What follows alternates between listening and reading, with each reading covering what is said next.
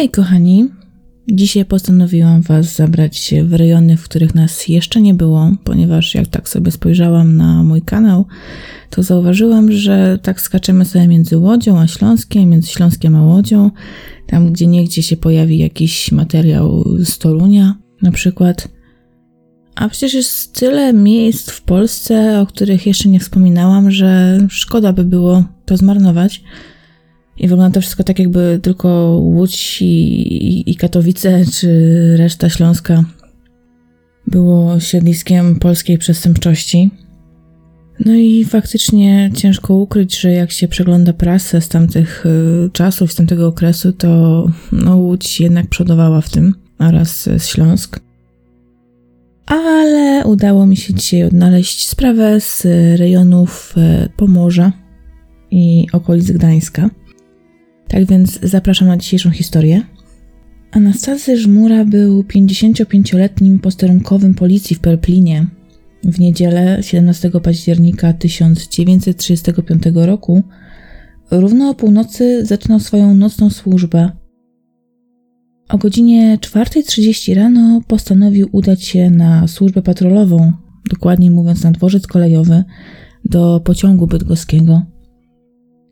I był właśnie w połowie ulicy Marszałka Piłsudskiego, kiedy usłyszał dźwięk tłuczonego szkła. Od razu przyszło mu do głowy, że być może jest jakiś złodziej w trakcie kradzieży. No i trzeba przyznać, że się nie mylił, ponieważ okno wystawowe składu kapeluszy Heleny Backiej, które, który znajdował się nieco dalej, również na ulicy Piłsudskiego, było rozbite. Posterunkowy rozejrzał się wokoło i kawałek dalej zauważył oddalającego się czym prędzej mężczyznę. Dogonił nieznanego osobnika, zatrzymał go oraz wylegitymował, a raczej starał się wylegitymować, ponieważ zatrzymany twierdził, że nie posiada przy sobie żadnego dokumentu tożsamości. Posterunkowemu nie zostało więc nic innego jak aresztować podejrzanego o kradzież i odprowadzić go na najbliższy posterunek policji. A znajdował się on na placu Bronisława Pierackiego. Żmura wraz z aresztantem właśnie mijali wydawnictwo Pielgrzyma. Był to kawałek trasy, na którym panowała całkowita ciemność, gdyż wszystkie światła uliczne były akurat wygaszone. Nagle posterunkowy poczuł silny ból w prawym kolanie oraz tuż przy skroni. Okazało się, że egipskie ciemności sprawiły, że Żmura nawet nie zauważył, jak aresztowany przez niego mężczyzna wyciągnął z kieszeni broń i oddał do niego strzały. Gdy policjant zdezorientowany upada na chodnik, otrzymuje trzeci, finalny już strzał prosto w plecy. Pocisk przebił klatkę piersiową i utkwił w okolicy serca. Ostatnimi słowami, które wydobywają się z ust posterunkowego, są wykrzyczane ostatkiem sił: Jezus Maria, ratujcie! Tajemniczy mężczyzna znika tak szybko, jak się pojawił. Huki wystrzałów alarmują jednak pobliskich mieszkańców, którzy zbudzeni wybiegają na ulicę. Widząc nieprzytomnego policjanta, przenoszą go od razu w bezpieczne miejsce, a takim miejscem wydaje im się restauracja Luiza, Właściciel lokalu na całe szczęście posiada aparat telefoniczny, z którego wykonuje połączenie i wzywa lekarza, doktora Filzeka. Ten, widząc stan poszkodowanego, natychmiast podejmuje decyzję o przewiezieniu żmury do szpitala. Niestety, funkcjonariusz na służbie, pomimo natychmiastowej pomocy, oddaje swój ostatni oddech tuż przed trafieniem na stół operacyjny. Policja od razu kieruje się na miejsce zbrodni, aby rozpocząć śledztwo. Stwierdza wybitą szybę w sklepie pani Backiej oraz zauważa brak pięciu sztuk kapeluszy, które najpewniej ukradł zatrzymany mężczyzna. O zaistniałej sytuacji oraz jego potwornym finale zostają poinformowane pobliskie posterunki policji, a nawet sąsiednie powiatowe komendy w Świeciu oraz Starogardzie – Wszystkie one wysłały swoje patrole, które zarządziły obławę na zbiega. Całą akcją kierowało dwóch komendantów, Skalski i Balicki. I można powiedzieć, że częściowo tutaj odnoszą sukces, ponieważ ich ekipa aresztowała naprawdę cały szereg większych lub mniejszych okolicznych opryszków, ale niestety żaden z nich nie był poszukiwanym przez nich złodziejem kapeluszy. Komenda Powiatowa Policji w Świeciu ma jednak swój cel, na który zamierza polować. Już od jakiegoś czasu w ich okolicy poszukiwany jest niejaki Jan Manikowski, 39 lub 41-letni recydywista, który 19 marca tego roku został zwolniony ze znanego nam już więzienia na Świętym Krzyżu, a odbywał on karę za nie lada występki, ponieważ nasz Janek już w wieku 14 lat popełnił swoje pierwsze przestępstwo. Podczas zabawy nad stawem utopił swoją zaledwie pięcioletnią siostrę. Podobno bronił się, że była to tylko niewinna zabawa, która przypadkiem zakończyła się tragicznie. Nie został więc za to ukarany. Mm, chciałam tylko tutaj też nadmienić, że to jest informacja, która później nie pojawiła się nigdzie indziej na żadnym z przewodów sądowych, więc y, nie wiem, czy to jest do końca prawda, czy to była tylko plotka, o której pisały gazety. Mówię o tym, ponieważ pojawiła się jako niby sprawdzona informacja, aczkolwiek no mogło być z tym różnie. Ale fakt, że incydent z siostrą nie jest w 100% potwierdzony, nie oznacza, że Manikowski był aniołkiem. To było zaledwie preludium jego kryminalnej kariery, gdyż chłopak rzucił się niemal od razu w wir włamań i napadów rabunkowych, również tych z bronią w ręku. Ostatecznie za swoje wybryki został skazany na łączną karę 32 lat więzienia, choć inne źródła mówią o dożywociu. Podczas odbywania kary trzykrotnie udało mu się z więzienia uciec, więc trzeba przyznać, że był dosyć uparty i chyba dość sprytny. Jak łatwo policzyć, nie odsiedział on z całej zasądzonej kary, nawet jeżeli było to 32 lata, a nie dożywocie. A stało się tak dlatego, że Manikowski został ułaskawiony przez Ministerstwo Sprawiedliwości i na mocy amnestii zwolniony z aresztu po odsiedzeniu zaledwie 15 lat więzienia. Mówię zaledwie, ponieważ nawet jeżeli to było 32 lata, to nawet nie była połowa kary. Tym bardziej, jeżeli to było jednak dożywocie, no to zwolnienie kogoś z aresztu po 15 latach, no to tak jakby podarowanie mu drugiego życia. Tym bardziej, że Manikowski raczej tego, tego podarunku nie wykorzystuje zbyt dobrze, ponieważ od razu po powrocie do Przysierska, z którego pochodzi, jest to jego miejscowość rodzinna, dokonuje szeregu rabunków i podpaleń. Kara więzienia w jego wypadku raczej nie odniosła żadnego skutku, a o resocjalizacji nie mogło być tutaj żadnej mowy. Chociaż trzeba przyznać, że siedząc w celi Manikowski wyuczył się zawodu był to zawód artysty rzeźbiarza. Nie zrobił jednak z niego żadnego użytku. Artystycznej smykałki więc nasz bohater nie miał, raczej nie chciał tutaj sobie budować nowego życia jako artysta rzeźbiarz. Wrócił na starą swoją ścieżkę rabunków, rozbojów. Urozmaicił on sobie jednak swój wachlarz i do, do, do tego wszystkiego podpalenia. Ale oczywiście do więzienia wrócić nie chciał i aby tym razem tego uniknąć, postanowił ukrywać się przed policją, gdy tylko zorientował się, że jest na jej celowniku. Zresztą ciężko było nie być, skoro tak naprawdę całego życia to było walka z innymi ludźmi, podpalenia, niszczenia i rabunek. I pomimo zakrojonych poszukiwań, Manikowski dosyć skutecznie ukrywał się w okolicznych lasach, opuszczając je zazwyczaj jedynie w nocy, gdzie istniała mniejsza szansa na jego złapanie. Oczywiście w trakcie swoich nocnych eskapad dokonywał szeregu podpaleń, co by sobie zapewnić nieco rozrywki. Był więc na celowniku policji. Władza świecka nawet już była tak zdesperowana, że wystosowała apel do okolicznych gazet, aby te poinformowały mieszkańców o poszukiwaniach groźnego podpalacza, recydywisty – i Wojewódzki Urząd Śledczy w Toruniu obiecał nawet nagrodę w wysokości 100 zł za ujęcie lub chociażby wskazanie kryjówki zbrodniarza. W prasie zamieszczono następujący rysopis sprawcy.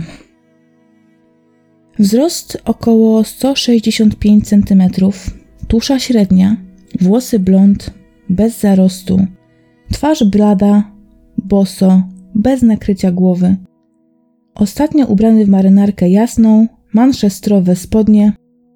Pod marynarką nosi szary swetr, którego kołnierz i mankiety są koloru różowego. Wiek 41 lat. Pomimo zakrojonych poszukiwań, Manikowski był naprawdę nieuchwytny, a teraz stał się głównym podejrzanym w zbrodni dokonanej na posterunkowym żmudzie. Wstępny rysopis podejrzanego się zgadzał. Był to występek popełniony w nocy, czyli wtedy, kiedy Manikowski właśnie opuszczał swoją kryjówkę. Dodatkowo komenda powiatowa w Świeciu dotarła do informacji, iż Manikowski udał się ostatnio rowerem do powiatu tczewskiego. Wiadomo było również, iż jest uzbrojony w rewolwer. I tak jak Manikowski był nieuchwytny przez wiele ostatnich miesięcy, tak tutaj podejrzanego udaje się zatrzymać już w poniedziałek około godziny 12 w południe, jak wracał rowerem do lasu celem ponownego ukrycia się. Znaleziono też przy nim rewolwer, którego zamierzał użyć, aby się obronić. Na szczęście w porę został obezwładniony i tym razem obeszło się bez żadnych ofiar – przy mężczyźnie znaleziono również dwa egzemplarze gazet, dzienników, m.in. dziennik bydgoski. Podejrzany zakupił je w kiosku ruchu, ponieważ miały stempel ruchu. Jak mówił, kupił je dlatego, że chciał poczytać, co prasa pisze o jego dokonaniach. Okazuje się, że policja dobrze wytypowała swojego sprawcę, ponieważ Manikowski bez skrępowania przyznaje się do winy. Jeszcze tej samej nocy, z poniedziałku na wtorek, została przeprowadzona wizja lokalna, w której uczestniczył aresztowany Manikowski.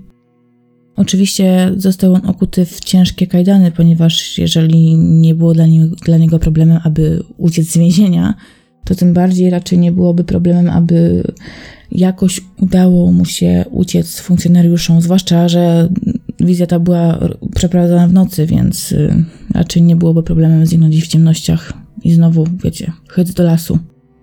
Pokazał on policjantom, gdzie schował rower, którym przybył do Pelplina, mm, a do miejscowości przybył drogą wzdłuż toru od strony Laskowic.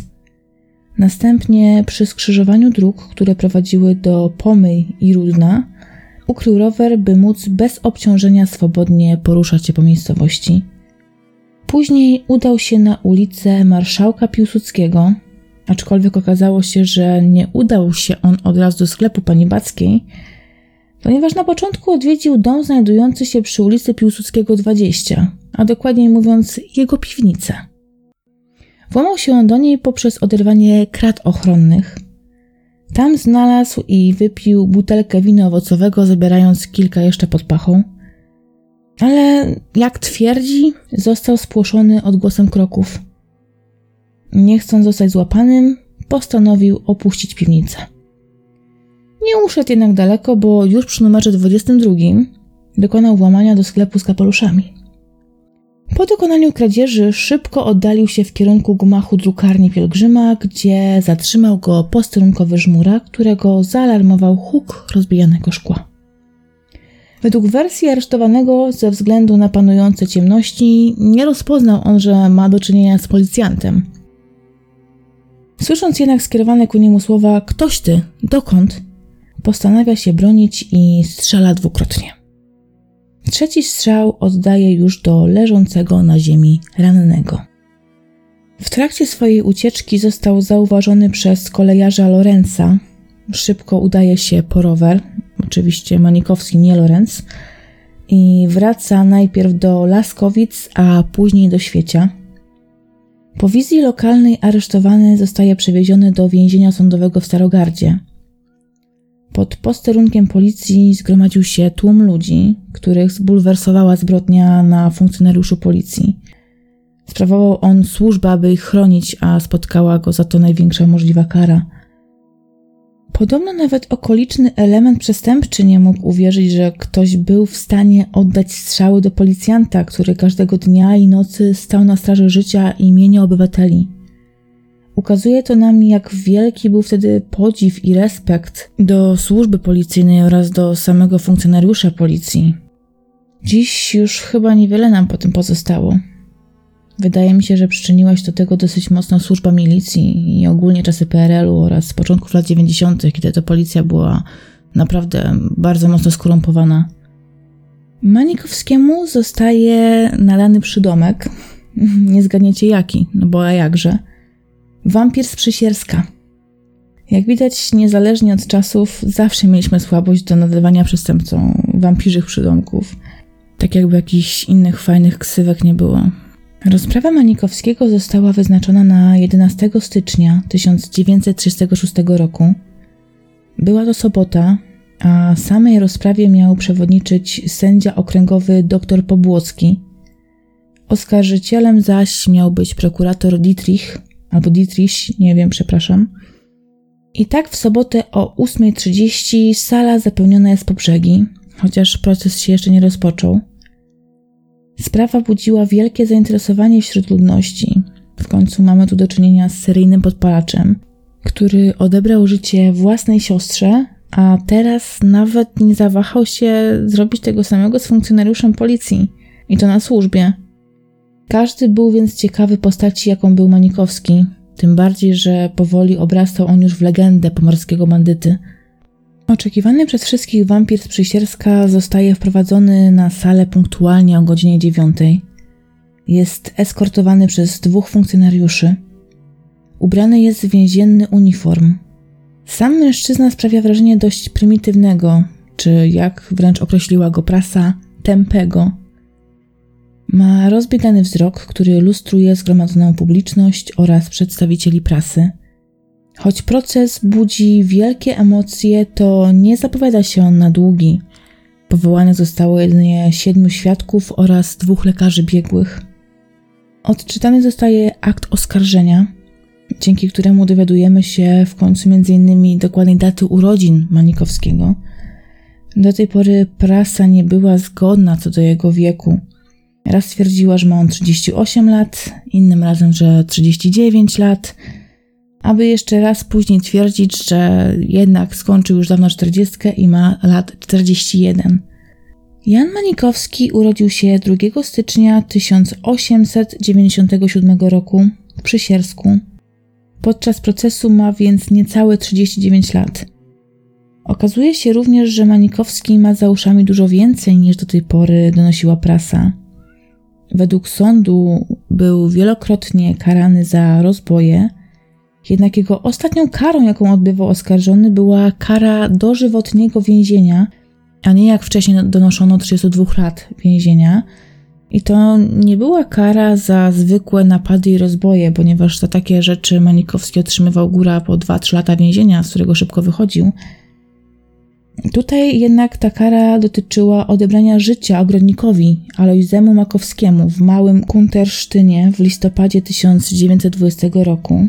Jak już wiemy, kara ta została zmniejszona na podstawie amnestii, co doprowadziło do kolejnej tragedii.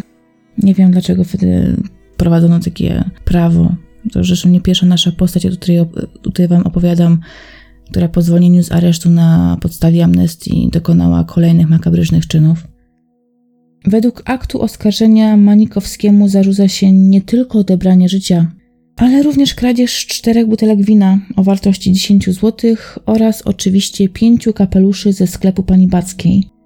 Na pytanie, czy oskarżony przyznaje się do zarzucanych mu czynów, Manikowski cynicznym głosem oświadcza: Przyznaje się do objętych aktem oskarżenia kradzieży. Do zabójstwa świętej pamięci posterunkowego żmury się nie przyznaje, bo zabójcą był mój wspólnik. I nasuwa się tutaj pytanie, skoro Manikowski miał wspólnika, no to dlaczego nie wspomniał o nim wcześniej, w trakcie śledztwa? Przecież był przesłuchiwany przez policję, uczestniczył nawet w wizji lokalnej, ale ani słowem się nie zająknął na temat tego, by ktokolwiek był z nim wtedy tej feralnej nocy. Ale na to pytanie nasz oskarżony ma swoje wytłumaczenie. Twierdzi, że był ze swoim kompanem umówiony, że w razie gdyby któryś z nich został złapany, to ten drugi odbije go z policyjnego aresztu. Wspólnik nie wywiązał się jednak ze swojej obietnicy, więc i on, Manikowski, nie czuje się dłużej w obowiązku, aby go kryć. Ale wampir z Przysierska nie jest taki gołosłowny jak niektórzy nasi bohaterowie, jak chociażby Majkowski, który zasłaniał się jakąś solidarnością przyjacielską. Ten tutaj nie ma zamiaru zasłaniać się jakąś tajemnicą, ale od razu podaje personalia swojego domniemanego wspólnika.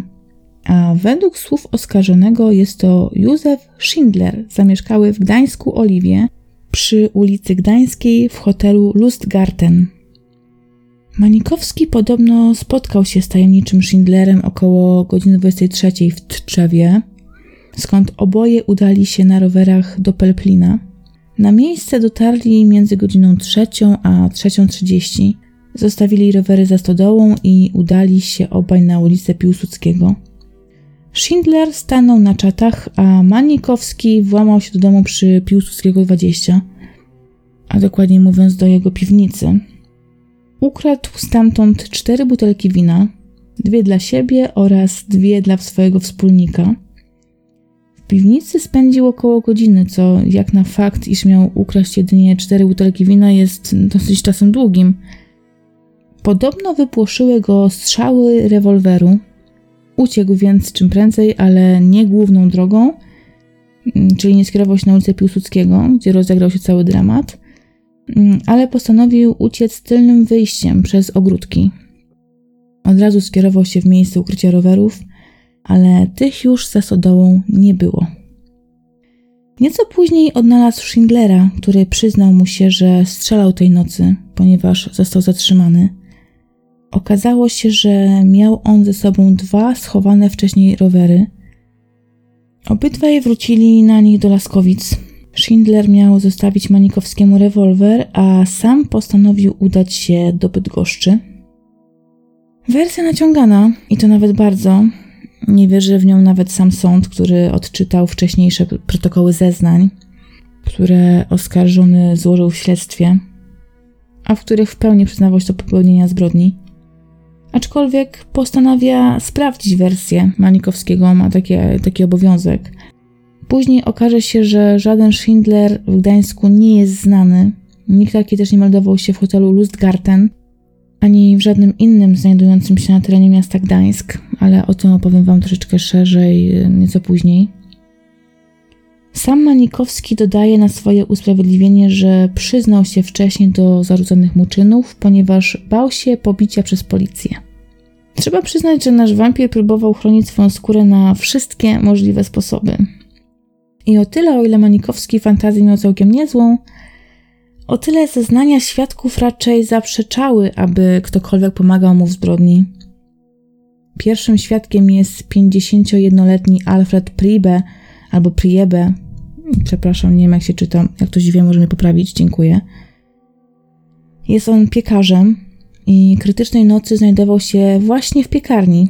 Jak wiadomo, piekarze rozpoczynają swoją pracę, kiedy wszyscy jeszcze smacznie śpią, aby zdążyć z wypiekiem do rana.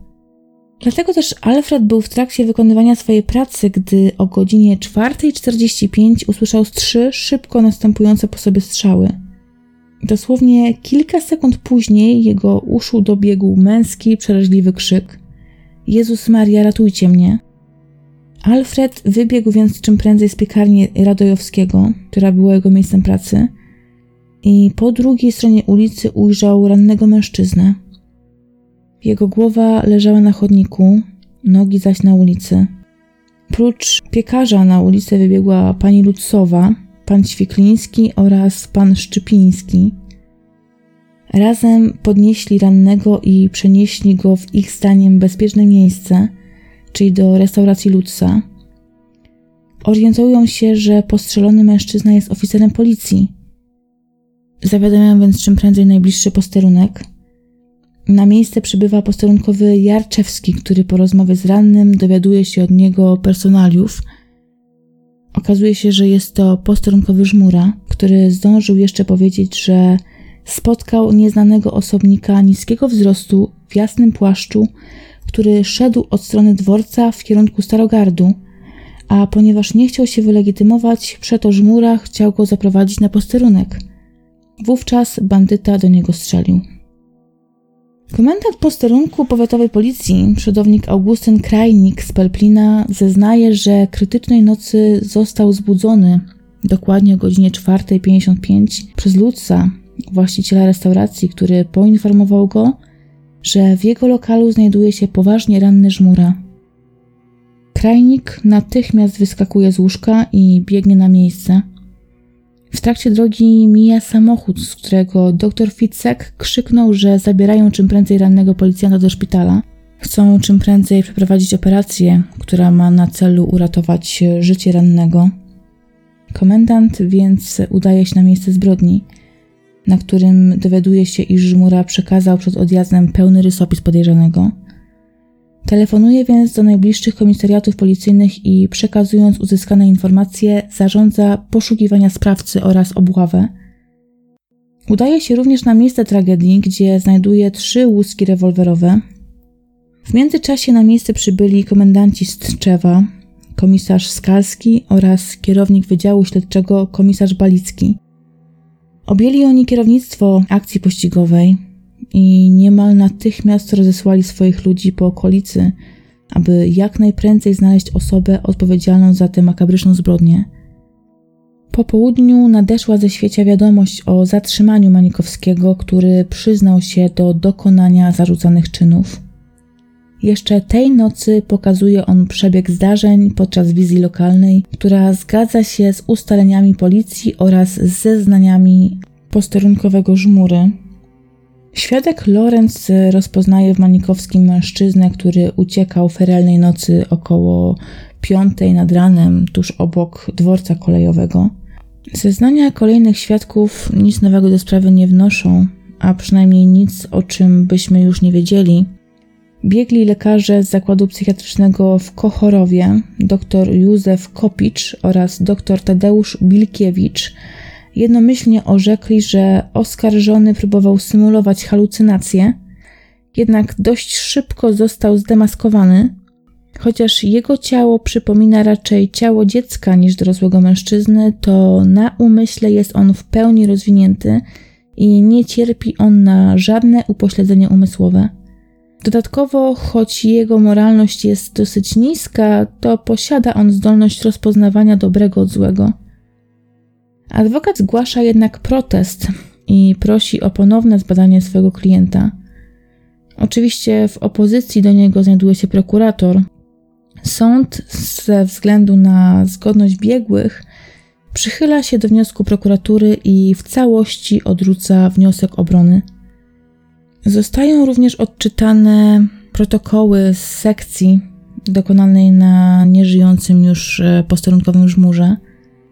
I jak stwierdza dr Węgledowski, ten finalny, trzeci strzał został oddany już do leżącego na brzuchu rannego żmury. Przebił on śledzionę posterunkowego, co w konsekwencji spowodowało gwałtowny krwotok. Był to strzał, który nie był konieczny. Policjant leżał już unieruchomiony na ziemi po postrzale w skronie oraz kolano.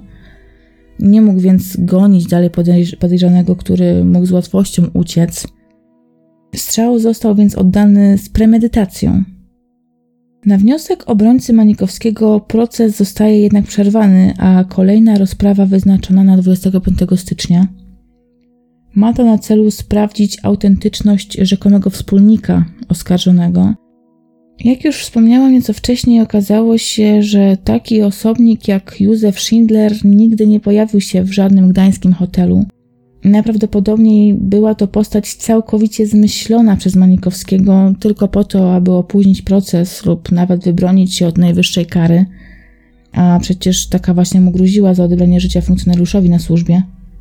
Manikowski co prawda próbował się jeszcze wykręcać, że pomylił żmurę z nocnym stróżem, ale nikt mu raczej w to nie wierzył, zwłaszcza, że świadkowie zeznali, iż Szmura tuż przed zabraniem do szpitala sam powiedział, że chciał wylegitymować podejrzanego. Chciał go nawet zabrać na posterunek policji i aresztować. No, raczej zwykły stróż nocny nie miałby takich planów. Rusza proces apelacyjny.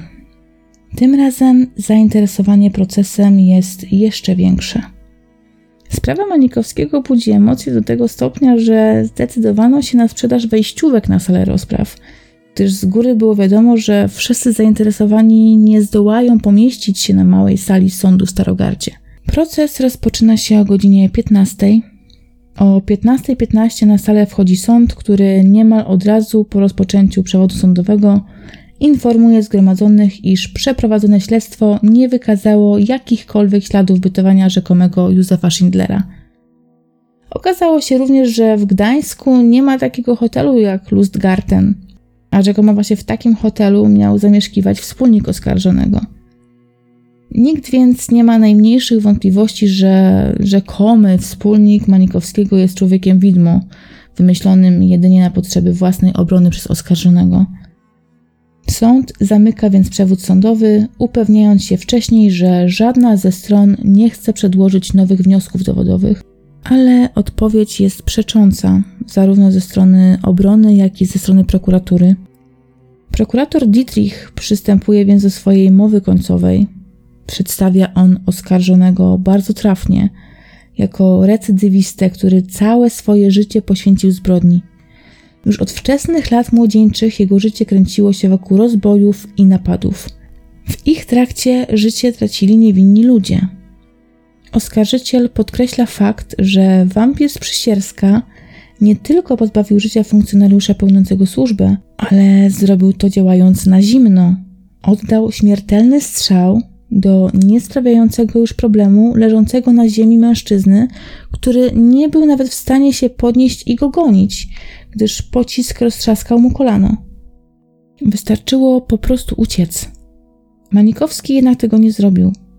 Postanowił dokończyć swojego dzieła, strzelając funkcjonariuszowi w plecy. Ukazuje to, że oskarżony jest zimnym, cynicznym przestępcą. Nie liczą się dla niego żadne pobudki moralne. Odebrał żonie męża, a troje dzieci pozostawił bez ojca. Ojca, który chronił obywateli miasta, narażając swoje własne zdrowie. I w końcu, spotykając na swojej drodze Manikowskiego, zapłacił za to najwyższą możliwą cenę. Stracił życie. I taka też powinna być według prokuratury kara dla oskarżonego. Utrata życia wraz z pozbawieniem praw obywatelskich. Obrońca Manikowskiego, adwokat Stankiewicz, przemawia ponad pół godziny, próbując wybronić swojego klienta. Wie jednak, że ma na to dosyć słabe szanse. Manikowski jest recydywistą, który po zwolnieniu z aresztu nie zawahał się ani chwili i od razu powrócił na przestępczą ścieżkę. Dodatkowo dopuścił się szczególnie hańbiącego czynu, ponieważ odebrał życie posterunkowemu pełniącemu służbę. Adwokat prosi jednak o łagodny wyrok. Rada sądu trwała ponad dwie godziny. Oskarżony został uznany za winnego zbrodni oraz skazany na karę śmierci oraz utratę wszelkich praw obywatelskich. Sąd podkreślił, że posterunkowy Żmura nie jest pierwszą osobą, której życie odebrał siedząc na ławie oskarżonych Manikowski. Niczego go jednak nie nauczyło ani więzienie, ani sumienie, gdyż bez skrupułów znów dopuścił się tego niegodziwego występku. Odebrał społeczeństwu oddanego stróża prawa oraz kochającego męża i ojca. Sąd uznał więc, że Manikowski jest na tyle niebezpiecznym człowiekiem, że nie pozostaje już nic innego, jak po prostu ochronić resztę ludzi przed taką kreaturą. Manikowski przyjął wyrok ze spokojem, ale chyba dość szybko dochodzi do niego, jaki wyrok usłyszał, ponieważ wraz ze swoim obrońcą postanowił wnieść odwołanie do sądu apelacyjnego w Poznaniu. Dość szybko dochodzi do procesu apelacyjnego, ponieważ już 27 lutego, czyli miesiąc po rozprawie, ale nim zdążył się zacząć, to się tak naprawdę skończył, gdyż sąd apelacyjny w Poznaniu, po zapoznaniu się z aktami sprawy Manikowskiego, postanawia w pełni odrzucić jego wniosek i zatwierdzić wyrok sądu oddany w pierwszej instancji. Mężczyzna się jednak nie poddaje. To, że nie szanował życia innych ludzi, nie oznacza, że tak łatwo pozwoli zdecydować o swoim własnym. Manikowski postanawia więc wraz ze swoim obrońcą złożyć wniosek o kasację wyroku do Sądu Najwyższego w Warszawie. Nic to jednak nie dało. Sąd Najwyższy również odrzucił wniosek Manikowskiego. Ostatnią szansą skazanego było więc uzyskanie łaski od prezydenta Rzeczpospolitej Polskiej. Niestety dla niego, dokładnie w dzień Bożego Ciała, przychodzi wiadomość odmowna. Pan prezydent nie skorzystał z prawa łaski. Załamało to osadzonego, który postanowił nie dać się katu i samemu wymierzyć sobie sprawiedliwość. Miały mu do tego posłużyć druciki z przewodów elektrycznych. Przybyły na miejsce lekarz stwierdził, że zadane rany są jednak powierzchowne i nie zagrażają bezpośrednio życiu i zdrowiu skazanego. Jedyne co Manikowski uzyskał to przesunięcie wyroku o półtorej godziny, ponieważ miał on zostać wykonany o godzinie 8 rano, a przesunięto go na godzinę 9.30. Ksiądz Sumiński udzielił skazanemu ostatniego namaszczenia, po czym Manikowski udał się na spotkanie z Katem Brownem. Tuż przed wykonaniem wyroku ogarnia go lęk. Prosi kapelana Sumińskiego o modlitwę, a Brauna o zawiązanie mu oczu. Manikowskim targają również torsję, prosi więc o krople walerianowe. Wyrok został wykonany o godzinie 9.28. I trzeba tutaj nadmienić, że choć był to już rok 1936, czyli no już parę ładnych lat po uzyskaniu przez Polskę niepodległości, to był to dopiero trzeci wyrok śmierci, jaki został wykonany w Stargardzie. Przed Manikowskim jedynie dwóch skazańców poprzedziło jego los. Patrząc na fakt, że w Łodzi zdarzało się takich wyroków rocznie nawet i kilka, no to można spokojnie powiedzieć, że rejony Stargardu były raczej spokojną okolicą. Nic więc dziwnego, że sprawa Manikowskiego budziła wśród ludności takie wielkie poruszenie. No i też nic dziwnego, że większość moich spraw kręci się w rejonach łódzkich, ewentualnie śląskich. Te rejony chyba coś takiego w sobie mają, chyba do tej pory. Dziękuję Wam za wysłuchanie dzisiejszej historii. Na grupę wrzucę Wam parę zdjęć które znalazłam, nie są one zbyt dobrej jakości, ponieważ e, akurat dzienniki bydgoskie, z których czerpałam informacje, raczej nie były aż tak super fajnie zachowane. Ale myślę, że jeżeli ktoś jest zainteresowany tym, aby zobaczyć, jak wyglądał nasz wampir z Przysierska, no to zawsze to coś, to jakiś ogląd. A ja jeszcze raz bardzo Wam dziękuję za wysłuchanie. I już teraz zapraszam Was na kolejną historię. Mam nadzieję, że pojawi się ona niebawem.